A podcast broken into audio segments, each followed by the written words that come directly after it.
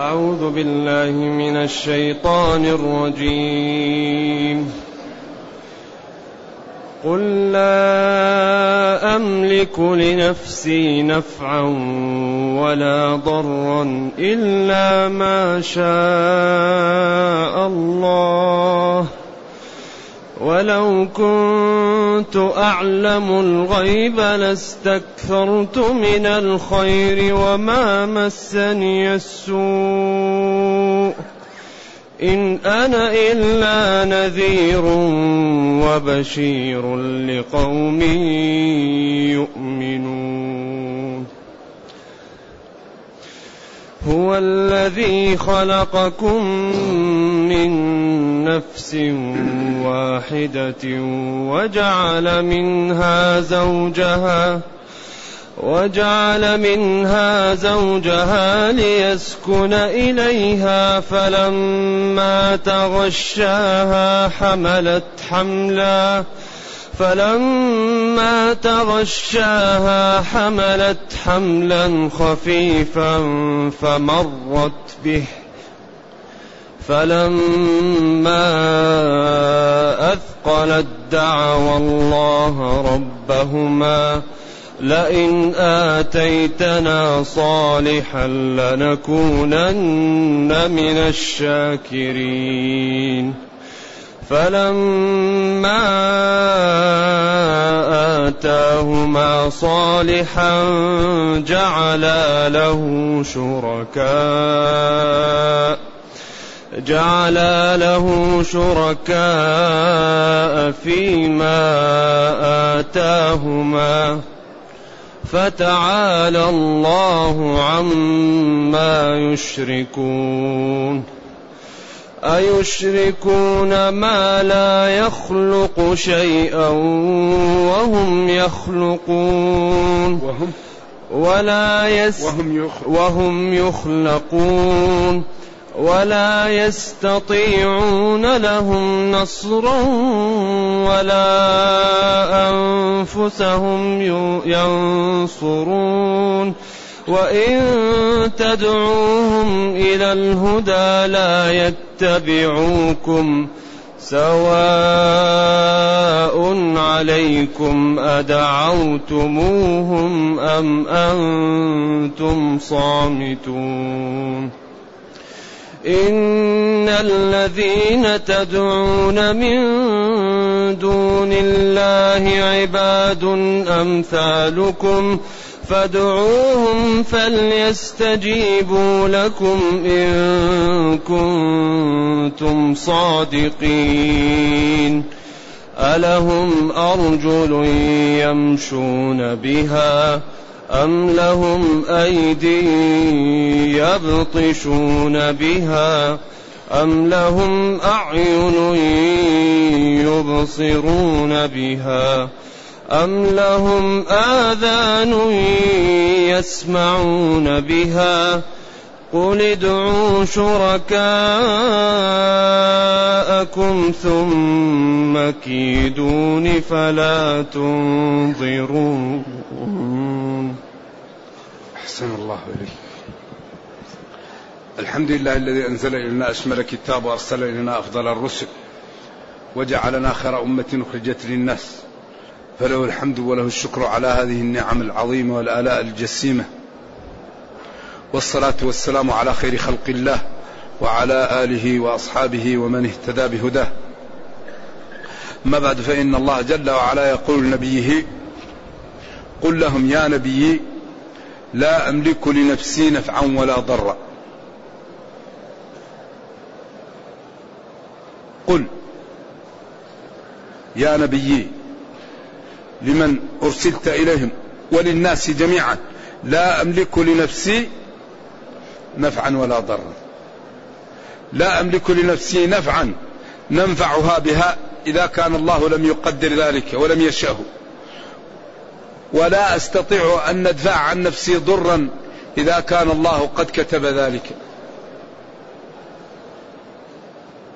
اذا أنا عبد لله أرسلني ما أمرني به أنفذه وما نهاني عنه أكف عنه. أخبرهم بالواقع. ولذلك الرسل خلق من خلق الله. مخلوقون الله أكرمهم. من عليهم بالرسالة. من عليهم بالسمو. من عليهم بالفضل. من عليهم بمحبة الخير. من عليهم بكراهية المعاصي. ولذلك قالت رسلهم إن نحن إلا بشر مثلكم ولكن الله يمن على من يشاء من عباده. من يمن عليه بالرسالة ومن يمن عليه بالعلم ومن يمن عليه بالتقى ومن يمن عليه بصحة الجسم ومن يمن عليه بوفور العقل. فبعض الناس هذه المنن يوفقه الله ليشكرها. ويستعملها في طاعة ربه فتكون له في الدنيا سعادة وفي الآخرة رحمة ونجاة. ومن الناس من هذه النعم يستعملها في معصية الله ولا يشكرها فتكون عليه في الدنيا وبالا وفي الآخرة عذابا.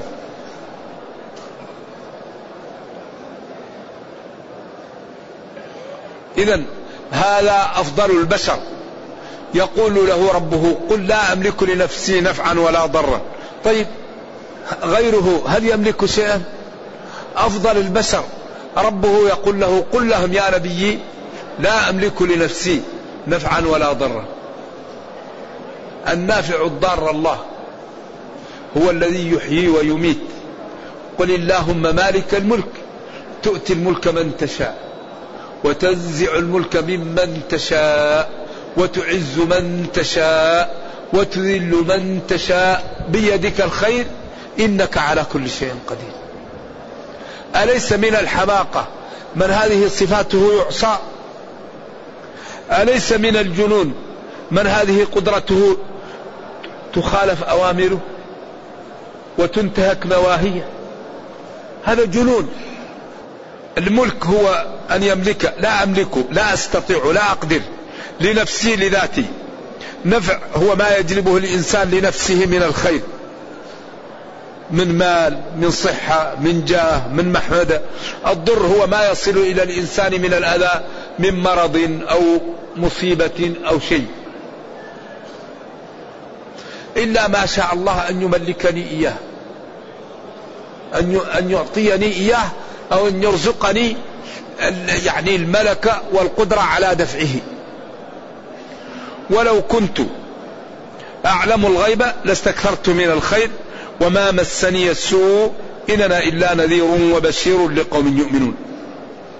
ولو كنت أنا أعلم الغيب لاستكثرت من الخير.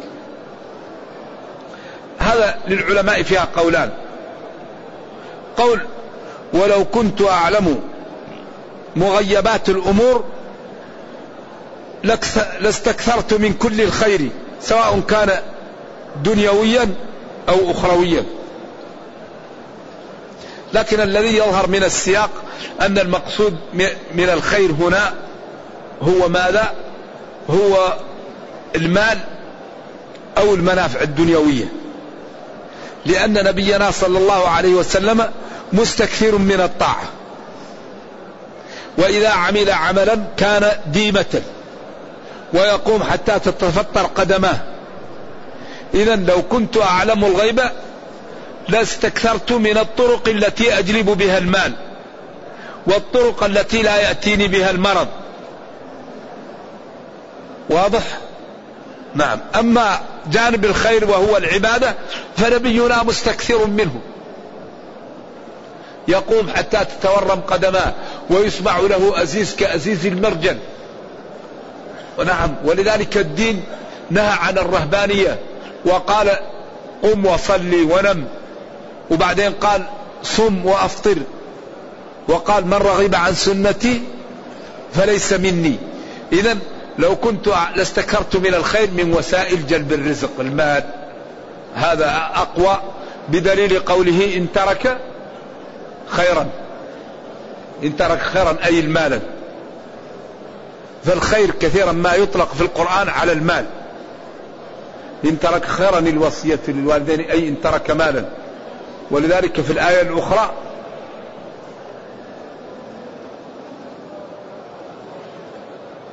في سورة قد أفلح.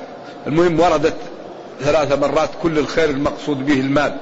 وهذا الذي يظهر هنا والله تعالى أعلم. وما مسني السوء؟ ما لأني أتجنب المرض وأتجنب موارد العطب ولا أدخل معركة إلا أعرف أني سأنتصر فيها. فإذا عرفت المغيبات كل شيء يديني به ضرر أتجنبه.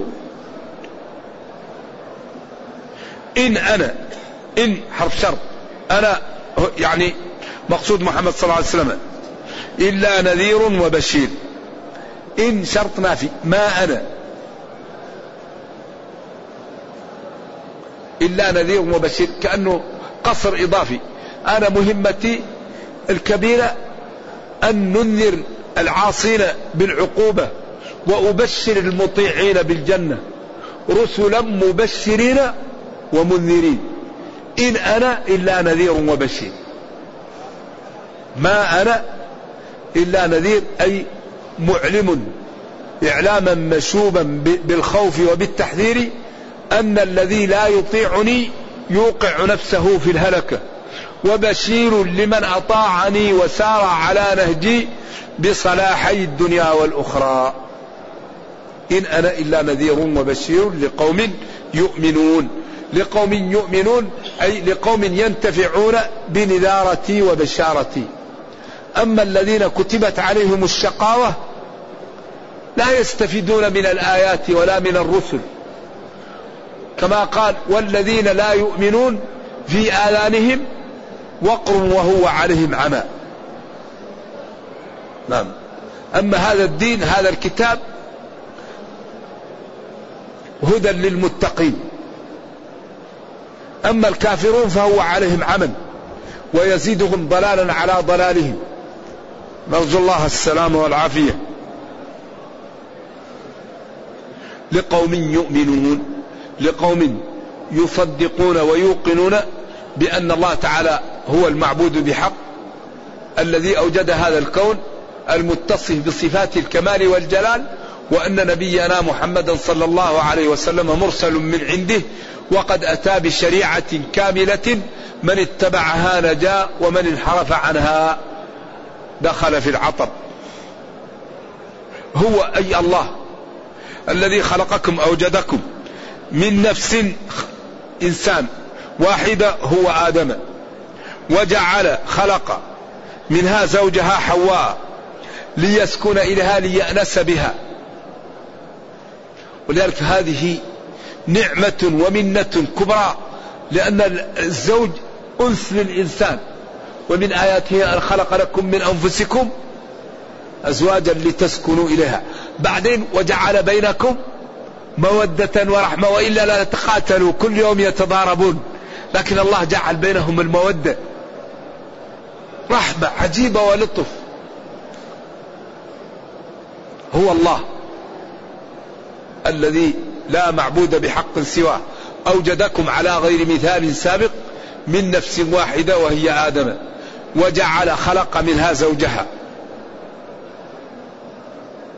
حواء ليسكن ويأنس بها. فلما تغشاها جامعها. وهذا من تعبيرات القرآن الجميلة. تغشاها أو لامستم النساء. وقد أفضى بعضكم إلى بعض. تعبيرات رائعة. القرآن غاية في حسن التعبير. ولا يصرح إلا في وقت قيام الحد. أبدا. في غير وقت قيام الحد. وقت وقوع لكي يقوم عليه الحد لا يصرح. أو لامستم النساء. وقد أفضى بعضكم إلى بعض فلما تغشاها يعني لبسها كأنه عبر عن الجماع بالتغشي. تعبير جميل جدا وفي غاية الأدب والحسن واللطف. حملت علقت بها النطفة. خفيفة لا تجد لها تعب لأن بداية النطفة ماء يقع في الرحم. مرت به استمرت به تقوم وتمشي. فلما أثقلت وبدأ يأتي المخاض وثقلت دعوا الله ربهما. آدم وحواء. لئن آتانا صالحا لنكونن من الشاكرين. هذه الآية من أكثر آيات القرآن إشكالا. وذلك أن أولها ظاهر في خطاب آدم وحواء وآخرها فيه ما يدل على أنه ليس لآدم وحواء. فكيف يكون الكلام؟ فيبقى الكلام فيه إشكال. أول الكلام يدل على أنها لآدم وحواء وآخر الكلام يدل على أنها لأبناء آدم وحواء الذين أشركوا. لذلك اختلف العلماء فيها إلى قولين.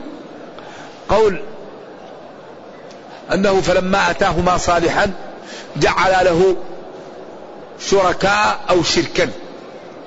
جعل له شركاء قراءة الجمهور أظن وشركا قراءة نافع. وأبو بكر عن عاصم. قال العلماء أن سبب نزول الآية أن الشيطان لما حملت حواء قال لها يمكن يخرج منك دابة ويمكن يخرج من عينك أو من أنفك وإذا سميتيه عبد الحارث ينجو بإذن الله. فسمته عبد الحارث ولذلك قالوا هذا شرك في التسمية وليس في الاعتقاد. وقال بعض العلماء إنه لما ولد لها مات. فقال لها قبل أن يولد لو سميتيه عبد الحارث لعاش فمات. فسمته فقال لو سميتيه عبد الحارث لا حي. فخافت على الولد فسمته عبد الحارث. وهذا لا يثبت منه شيء. وإنما هي روايات إسرائيلية يعوزها النص. والذي يظهر من السياق وهو الذي يليق بجانب آدم عليه السلام وهو الذي تعضده سياق الآيات والنصوص الأخرى أنه هو الذي خلقكم من نفس واحدة آدم وخلق, وخلق منها وجعل منها زوجها ليسكن إليها. فلما تغشها حملت حملا خفيفا فمرت به. فلما أثقلت دعوا الله ربهما لئن آتيتنا صالحا لنكونن من الشاكرين. فلما آتاهما اللي هما أولاد آدم وحواء وذريتهما ولدا بعد ذلك جعل له شركا فيما أتاهما. جعلت ذريته شركا في أولادها لإبليس ولغير الله ويدل على ذلك قوله فتعالى الله عما يشركون ويشركون هنا هي الذرية فلو كان المقصود آدم وحواء فقال فتعالى الله عما يشركان وهذا الذي يظهر ويبقى آدم وحواء بريئان من الشرك ويبقى الشرك للذرية كما قال تعالى هو الذي خلقكم من هو الذي خلقكم ثم الآية وصوركم. الآية اللي قبل هذه؟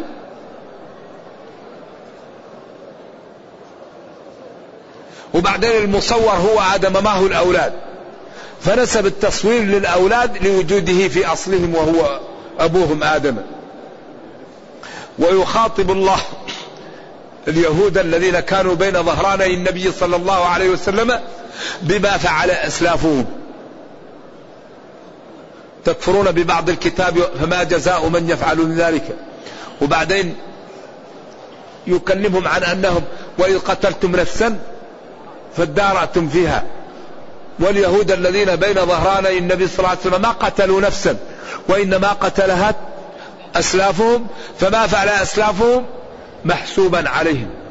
وكذلك قال هو الذي خلقكم من نفس واحدة ثم عاد بقية آخر الكلام على ذريتهما ومما يرجح ذلك ويرشحه قوله فتعالى الله عما يشركون نعم. ولو كان المقصود آدم وحواء لقال يشركان.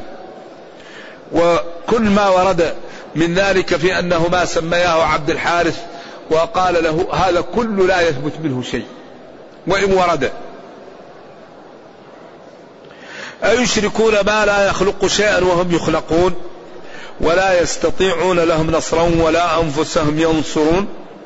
هنا بدأ يبين خطورة الشرك وأنه لا فائدة فيه. أيشركون هؤلاء ما لا يخلق شيئا وهم يخلقون؟ وقد قدمنا أن الذي لا يخلق لا يعبد وأن سر الكون هو الخلق وأن العالم الآن وصل من التطور والرقي والمدنية والفهم ما لا يعلمه إلا الله ولكنهم لو اجتمعوا لن يستطيعوا أن يخلقوا ذبابة والذباب أضعف الخلق. يا أيها الناس ضرب مثل فاستمعوا له. إن الذين تدعون من دون الله لن يخلقوا ذبابا ولو اجتمعوا له. الكون كل ما يستطيع أن يخلق خلية. لكن الخلية يمكن أن تلقح. لكن يوجد خلية لا. لذلك الخلق من أسرار الربوبية من أسرار الألوهية. ولذلك الله يقول أفمن يخلق كمن لا يخلق. اعبدوا ربكم الذي خلقكم. يخلقكم في بطون أمهاتكم خلقا من بعد خلق في ظلمات ثلاث. فلا يعبد إلا من يخلق ولا يخلق إلا الله فلا يعبد إلا الله. أيشركون هؤلاء ما لا يخلق شيئا؟ وهم المعبودون يخلقون ولا يستطيعون لهم نصرا. هؤلاء الأصنام لا يستطيعون أن ينصروا من يعبدهم ولا أنفسهم ينصرون. إن جاءهم شيء لا يستطيعون دفعه عنهم. وإن تدعوهم إلى الهدى لا يتبعوكم. الأصنام أيضا هؤلاء لا يفهمون سواء عليكم أدعوتموهم أم أنتم صامتون. دعوتكم لهم وعدمها سواء فإنهم لا يعقلون ولا يفهمون. ثم بين إن الذين تدعون من دون الله عباد أمثالكم مخلوقون لا فائدة فيهم ولا ينفعون ولا يضرون. فادعوهم فليستجيبوا لكم إن كنتم صادقين. أين عقولكم؟ أنتم أحسن منهم. ولذلك إذا أذهب الله فائدة العقل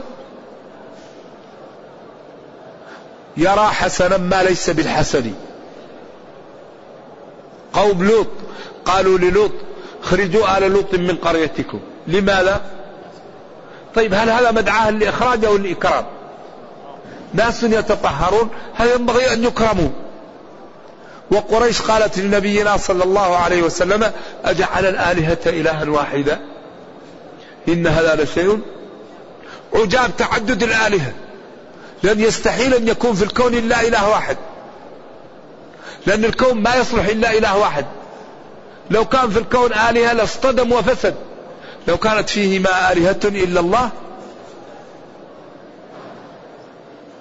وما كان معه من إله إذا لذهب ولا على بعضهم ففسدت الدنيا. إذا لا يصلح الكون إلا إله واحد. لكن هم لما فسدت فطرهم فسدت فطرهم قالوا إن هذا لشيء عجاب. ولذلك تعود الإنسان على الضلال يجعله يرى الحق باطلا. ذلك ينبغي للإنسان أن يستعمل عقله ويفكر ويقارن ويجعل النصوص نصب عينيه. لأن النجاة في الوحيين النجاة في النصوص. تركت فيكم ما إن تمسكتم به لن تضلوا بعدي كتاب الله وسنتي. وأوحي إلي هذا القرآن لأنذركم به. ومن بلغ السنة كلها دخلت في آيات. وما أتاكم الرسول فخذوه وما نهاكم عنه فانتهوا. قل إن كنتم تحبون الله فاتبعوني من يطع الرسول فقد أطاع الله. هذه الآيات الثلاث دخلت فيها كل السنة. لذلك هذا الكتاب كتاب لا يأتيه الباطل من بين يديه ولا من خلفه. فادعوهم فليستجيبوا لكم. ادعوهم. هذا أمر للتيئيس. دعوهم فليستجيبوا لكم إن كنتم صادقين. فإن لم يستجيبوا لكم ولم ينفعوكم فاعلموا أنكم على كذب وضلال فبادروا بالتوبة واعبدوا ربكم واتبعوا شرعه ونبيه حتى تنجوا. كل القرآن على هذا المعنى. هذا المعنى يتكرر بأشكال عجيبة. والمقصود أن المسلم يبادر بالنجاة. النجاة النجاة. لا نجاة إلا باتباع هذا الدين. ولا اتباع له إلا بفهمه ولا يفهم إلا بإعطائه الوقت. إذا إذا كان المسلم لا ي... لا ي... ليس مستعدا لأن يقتطع جزءا من وقته ليتعلم الكتاب والسنة والشرع. من أين له أن يفهم؟ من أين له أن يخاف؟ من أين له أن يمتثل؟ من أين له أن يتجنب؟ و... والذي يعيش بين ظهراني المسلمين لا يسامح في جهل فروض العين. قال العلماء من يعيش بين المسلمين لا يسامح في جهل فروض العين. فلذلك حري بنا أن نعرف ما الواجب علينا فنمتثله وما الحرام فنتجنبه. فإن فعلنا الواجب والحرام خلاص الواحد ينجو. لكن اللي قال والله لا أزيد قال أفلح إن صدق. ألهم هؤلاء الأصنام أرجل يمشون بها؟ أم لهم أيد يبطشون بها؟ أم لهم أعين يبصرون بها؟ أم لهم آذان يسمعون بها؟ أين عقولهم هؤلاء؟ من يضلل الله فلا هادي له. وإلا كيف إنسان عاقل يعبد الأصنام؟ ومن أخطر ما نواجه الآن أن شرائح من المسلمين يذهبون إلى الأموات ويدعونهم. دعاء القبور خطير جدا دعاء الأموات. الأموات يزارون لغرضين الدعاء لهم والاتعاظ أما طلب الحوائج من أصحاب القبور هذا خطر. الله يقول أمن يجيب المضطر إذا دعا. إذا سألته فسأل الله وقال ربكم ما قال؟ وقال ربكم اتخذوني الوسائط وقال ربكم ادعوني أستجب لكم. يا إذا سألت فاسأل الله. أمن يجيب المضطر إذا دعاه وقال بعدها قليلا ما تذكرون. حيث تفرقون بين خلق الجبال وبين إجابة المضطر والكل حق خالص لله. هذه الآية فيها إعجاز. قل الحمد لله وسلام على عباده الذين اصطفى. آه الله خير مما تشركون. أما خلق السماوات والأرض وأنزل لكم من السماء ماء فأنبتنا به حدائق ذات بهجة. ما كان لكم أن تنبتوا شجرها؟ أإله مع الله بل هم قوم يعدلون. إلى أن قال أمن يجيب المضطر إذا دعا. لاحظ أنه جعل إجابة المضطر من خلق السماوات والأرض. والآن إذا سألت أي واحد من خلق السماوات والأرض يقول لك من؟ الله. لكن إذا سألت كثير من الناس أمن يجيب المضطر؟ يقول لك الولي. كل بلد له أولياء. كل بلد فيها أولياء يدعونها. ما أقول كل الناس يدعوها لكن كل بلد فيها أولياء يدعوها شرائح من الناس. ولذلك قال أمن يجيب المضطر إذا دعاه؟ ثم قال في نهاية المقطع قليلا ما تذكرون. يجيب المضطر إذا دعاه ويكشف السوء ويجعلكم خلفاء الأرض هذه الثلاثة تطلب من الأولياء الأموات. يجيب المضطر ويكشف السوء ويجعلكم يأتي للقبر ويطلب منه الثلاثة. القبر ما يقدر يقول له أخلق الجبل لا. لكن يقول له أنا أريد وظيفة أنا أريد أولاد أنا أريد مال. أنا أريد النصف من المرض. لذلك الله قال قليلا ما تذكر. في الحقيقة ينبغي لنا جميعا أن نتعاون على أن نخلص العبادة لربنا. لأن هذا التوحيد الذي حققه دخل الجنة. والذي يموت على شعبة من منه خطر. إن الله لا يغفر لذلك دعاء غير الله مشكل لا يقبل. كثير من الناس يأتي للقبور ويقول أتيناكم قاصدون ومثلكم يقصد ومن قصد الأجواد ليس يخيب. أتيناكم قاصدون. الأموات يدعى لهم كنت نهيتكم عن زيارة القبور فزوروها. بعدين قال فإنها تذكر الآخرة. وإذا جاءها قال السلام عليكم أهل الديار من المؤمنين يغفر الله لنا ولكم. السلام عليكم يغفر الله لنا ولكم. إذا يأتيهم ليتعظ ويدعو لهؤلاء الذين انقطعت أعمالهم وكفت أيديهم عن العمل وشاهدوا الحقيقة. فلا ينبغي أن يسأل إلا الله ولا أن يدعى إلا الله ولا أن يخاف إلا الله ولا أن يرجى إلا الله ولا أن يتوكل إلا على الله فالله تعالى يكفيك ويحميك ويغنيك ويدفع عنك وتوكل على من؟ الحي الذي لا يموت. ومن يتوكل على الله فهو حسبه كافيه فلماذا لا نطيع ربنا؟ فيصلح لنا دنيانا وأخرانا ويدمر أعداءنا ويرحمنا ويعزنا. لماذا؟ ما الذي نريد؟ ان أردنا الآخرة الله أدخلنا الجنة. وإن أردنا الدنيا أغنانا وأعزنا وأكرمنا ودفع عنا.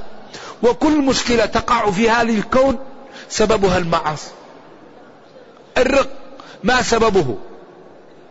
الرق الآن في الإسلام ما سببه؟ المعصية. كل رق في الإسلام سببه المعصية. لأن تعريف الرق عجز حكمي يقوم بالإنسان سببه الكفر. الرق من شؤم المعصية. شؤم المعصية يكون في العمر. الإنسان يميت يعيش مئة سنة يكون كأنه عاش سنة. ما له عمل.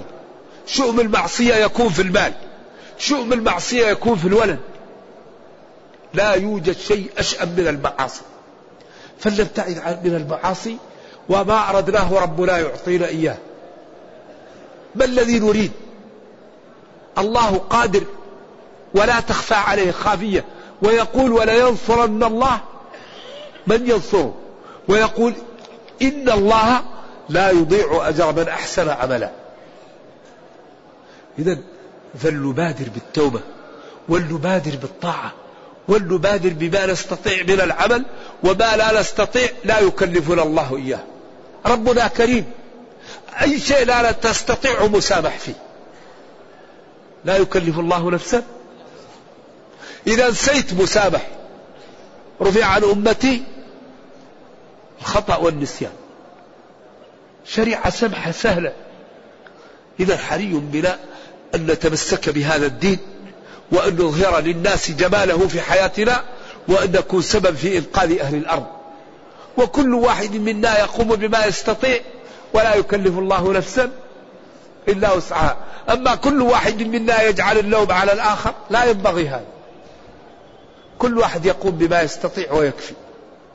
جيرانك أولادك آباؤك إخوانك عشيرتك أصدقاؤك زملائك في العمل. هؤلاء إذا رأوا قدوة أحبوك وأحبوا الدين. الدعوة العملية لا يمكن أن ينكرها شخص. الدعوة العملية مؤثرة. الدعوة العملية هي التي تجعل الإسلام ينتشر بسرعة هائلة. جارك تكرمه وتواسيه ولا تؤذيه. وكل يوم تذهب للصلاة الصلوات الخمس. أنت إذا خرجت كأنك تقول له تعال صلي. إذا غضبت بصرك كأنك تقول له غض بصرك. وإذا أكرمت تقول له أكرم جارك أنت تكرمه بالأفعال. كأنك خمس مرات تقول له تعال للجماعة. ما يحتاج تقول له تعال هو يراك تمشي للمسجد. يراك تغض بصرك. يراك كل ما أتيت بشيء لبيتك أعطيته منه. يراك تحافظ على مصلحته وتحفظ. فهو طبعا هذه دعوة. يحبك ويحب الدين. أما جارك لا تسلم عليه. ولا تزوره. تقول له تعال صلي يقول لك كل شيء معلقة برجلها. لكم دينكم ولي دين. متى المعرفة يا أخي؟ روح.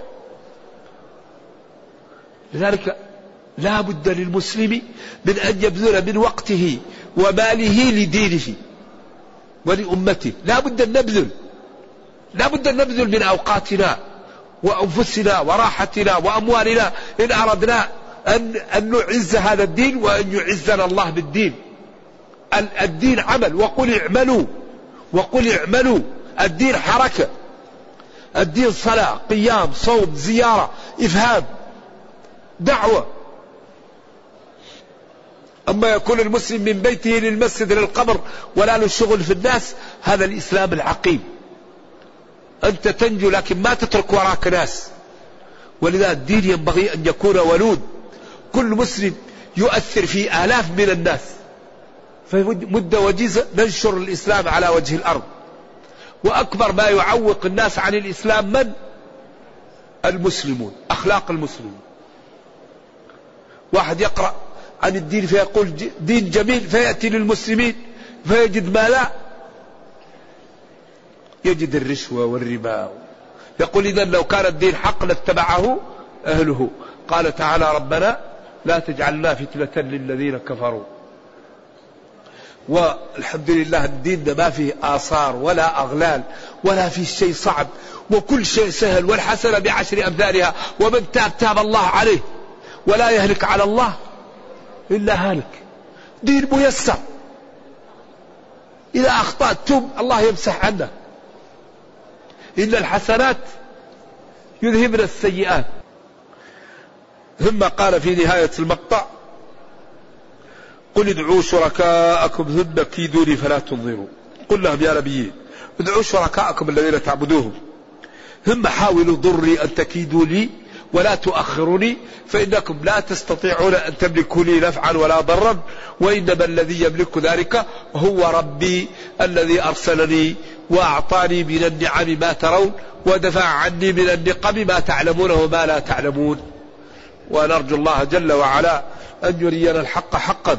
ويرزقنا اتباعه وأن يرينا الباطل باطلا ويرزقنا اجتنابه وأن لا يجعل الأمر ملتبسا علينا فنضل اللهم إنا نسألك أن تحفظ هذه البلاد وأن تحفظ بلاد المسلمين عامة. اللهم إنا نسألك أن تحمينا من كيد الفجار والأشرار وأن تحمي المسلمين في هذا البلد وتحمي هذا البلد وتحمي حكامه. وسكانه وتحمي المسلمين جميعا وتوحد صفوفهم وتقوي شوكتهم. اللهم إنا نسألك الجنة ونعوذ بك من النار. اللهم إنا نسألك الجنة ونعوذ بك من النار. سبحان ربك رب العزة عما يصفون وسلام على المرسلين والحمد لله رب العالمين. والسلام عليكم ورحمة الله وبركاته. السلام ورحمه الله يقول إذا صليت ركعتين ونويت اجرها لابي ولامي الميتين هل يجوز ذلك؟ كيفية الصدقات أو لا؟ لا يصلي أحد عن أحد. الصلاة هذه لا يعملها إلا صاحبها. ولذلك كل العبادات تسقط عمن له عقل إلا الصلاة. لا تسقط إلا عمن فقد العقل. وهذا من الأسباب التي قال بها بعض العلماء إن تارك الصلاة كافر مع قوله فقد كفر وهو مع فرعون وهامان وقارون وأبي بن خلف. لا يصلي أحد عن أحد لكن يتصدق عنه يدعو له ويصوم عنه صوم النذر. أما صوم غير النذر فالأولى أن تطعم عنه. أما إن نرى صياما فلك أن تصوم عنه ولك أن تطعمه. أما إن مات وعليه صيام لأولى أن تطعم عنه. أما الصدقة والدعاء فيلحقان بلا خلاف إن تقبلهم الله. نعم. أما الصلاة فلا يصلي أحد على أحد. كيف يدخل القلب؟ خشية الله ومعرفته التي تتضمن خشيته ورجاءه. هذا يكون بتوفيق الله وبالبعد عن المعاصي وعمل الطاعة وسؤال الله. لأن الإيمان شيء في القلب. أبو بكر كان رجلا نحيفا ونحيلا وبكاء ولكن أعطاه الله من من القوة في الإيمان وما لم يعطي لغيره. ولذلك لما قالت عائشة إن أبا بكر رجل أسيف قولي لحفصة أن عمر يصلي بالناس قال إن كنا لأنتن صواحب يوسف. مروا أبا بكر فليصلي بالناس. فلما توفي الرسول صلى الله عليه وسلم عمر وعلي حصل لهم شيء. أبو بكر قال بأبي أنت وأمي مت الموت التي كتب الله لك. قالوا نترك الجيش. قال لا والله لا أعقد راية والله لأقاتلنهم ولو وحدي. فطلع أبو بكر جبل. إذا الإيمان شيء في القلب يأتي عند وقته. هذا السر بين العبد وبين الله. فقد يكون الإنسان نحيل وإيمانه مثل هذا السارية. وقد يكون واحد كبير وإيمانه مثل الشعرة. فهذه أمور ولكن الإيمان يقوى بالطاعات وبالبعد عن المعاصي وبتأمل القرآن وبأكل الحلال وبسؤال الله وبإكرام الأيتام والضعاف وبالتواضع وبأعمال الحسنات. إذا الإنسان أكثر من الحسنات وابتعد عن الطاعات قوي الإيمان. أكثر من الحسنات وابتعد عن المعاصي قوي الإيمان فعند ذلك يأتيه اليقين. اليقين يأتي بقوة الإيمان. وإذا تليت عليهم آياته زادتهم إيمانا.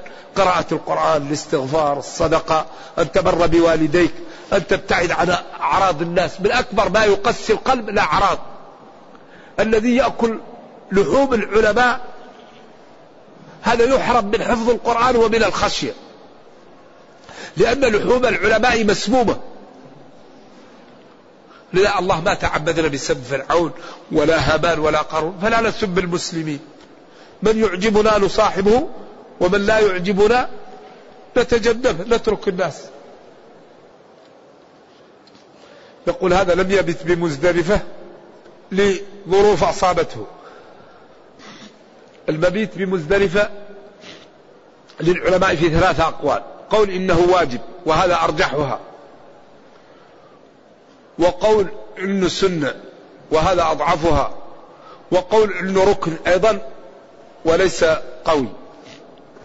والذي يدل على أن المبيت بمزدلفة ليس بركن حديث عروة بن مضرس لما جاء النبي صلى الله عليه وسلم وقال أكللت راحلتي ولم يبقى جبل من هذه الجبال إلا جئت بالجبال طي إلا وقفت عليه. قال من صلى صلاتنا هذه وكان قد وقف بعرفة ساعة بالليل أو نهار.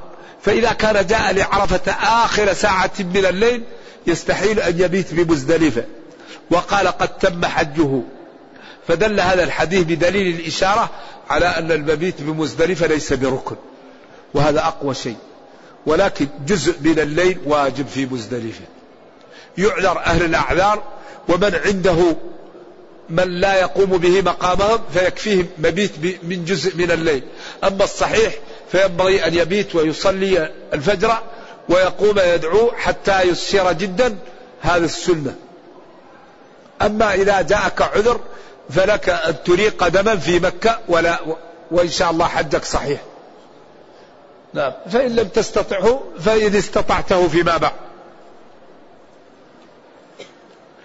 ما حكم الصبغ بالسواد للرجال والنساء؟ الأولى أن يجتنب. يجتنب السواد. هذا الأولى. اجتنبوا السواد. غيروا الشيب واجتنبوا السواد. الحديث أقل درجاته أنه صالح للاحتجاج. يقول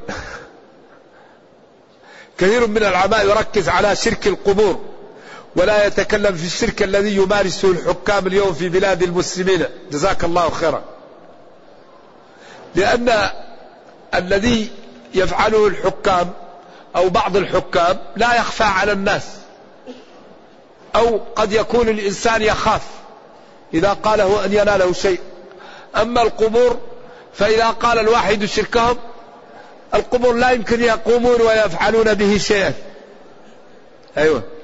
الأمر الثاني أن هذا الذي يفعله يريد به الخير. أما ذاك ما قال أحد أنه يريد به الخير ولا ولا يرضاه الناس. أما هذا يذهب للقبور يريد منهم النفع. قال أمن يجيب المضطر إذا دعاه. بعدين هذا تقوم به لأجل أنك تعبد الله وأنت تقع في مأزق. أما هذا ما في حد يتعبد الله به. نعم. ففي هناك فروق. وبعدين أنت لا لا يكلف الله نفسا إلا وسعها. لا يضركم من ضل إذا اهتديتم. أن تبين للناس سواء كانوا يذهبون للقبور أو كانوا يحكمون بالخطأ. أنت ينبغي أن تبين بالطريقة التي كما قال الله تعالى أدعو إلى سبيل ربك بالحكمة والموعظة الحسنة. لكن نحن نجعل كل شيء على الحكام الحكام آه، الحكام يعني كل إنسان كل امرئ بما كسب رهين. وكل إنسان سينال إيش؟ عمله فأنت أولا قم بما تستطيع وما لا تستطيع لا يكلفك الله به. نعم.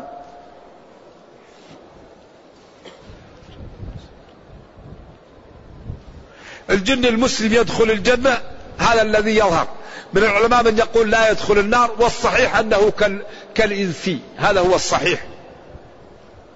ولذلك لم يطمثن إنس قبلهم ولا جن نعم. يقول يوجد مسلمون في البلدان الكافرة. كذلك في البلدان الإسلامية لا يصلون ولا يعرفون من الإسلام إلا اسمه. فما قولكم فيه؟ هؤلاء ينبغي للمسلمين أن يعملوا برامج لإنقاذ هؤلاء. هؤلاء الذين يموتون وهم لا يصلون هؤلاء على خطر. ينبغي لمن رزقهم الله العلم والهداية أن يذهبوا لإخوانهم ويجعلوا لهم برامج. يجعلون لهم برامج. يخوفونهم بها يحذرونهم بها يزورونهم بها يذهبون إلى أقاربهم. إن كان أبا يذهبوا لابنه وإن كان أبا يذهبوا لولده. وإن كان أخا يذهبوا لأخيه أو عمه أو عشيرته أو أقربائه. وننصح وتعاونوا على البر والتقوى. ينبغي لنا أن نتعاون على إنقاذ من إخواننا من يقع في الكبائر. كلكم معافى إلا المجاهرين. فينبغي أن نتعاون على هذا ولا يضركم من ضل إذا اهتديتم. يقول إنه يشعر بالضعف عندما يرى اختلاف المسلمين فماذا ينصح؟ ينصح بأنه يشتغل لا يكون لا يختلف مع إخوانه في الصح. وإذا اختلف معهم يختلف معهم فيما أخطأوا فيه ويبين لهم ولا يعاديهم. قل له يا أخي هذا القول باطل بدليل كذا وكذا. كيف حالك؟ تفضل اليوم عندي. أنت قلت كلاما خطأ بدليل كذا وكذا. الليلة تفضل عندي يا أخي. أنت أخي. يعني نبين له الحق ونؤاخيه ونكرمه. أما إذا كان أخوك عنده خطأ تهجره وهذا تهجره. طيب لا يستفيد منك ولا تستفيد منهم. بل فائدة يقول إنه في بلد إسلامي وأنه هناك كثير الشرك والكفر وأنه هو علم قليل فما الذي يفعل؟ أول شيء تعلم وبعدين حاول أن تبحث عن بعض المتعلمين وأنكم تجعلوا برامج لهذه المناطق لعل الله ينقذ إخوانكم على أيديكم. لأن هؤلاء لا يأتون للقبور ويدعونهم ويفعلون هذه المنكرات إلا ظنا أنها الحق. وهم ينفرون منك لأنهم يروا أنك على باطل. فارفق بهم حتى توصل لهم المعلومة التي تكون سبب في نجاتهم. يعني حاول أن تتعلم الطريقة التي بها توصل لهم المعلومة ليقتنعوا بها. ولذلك قال ماذا يقول القرآن؟ ينتزع أماكن الاتفاق مع أهل الكتاب ليدعوهم.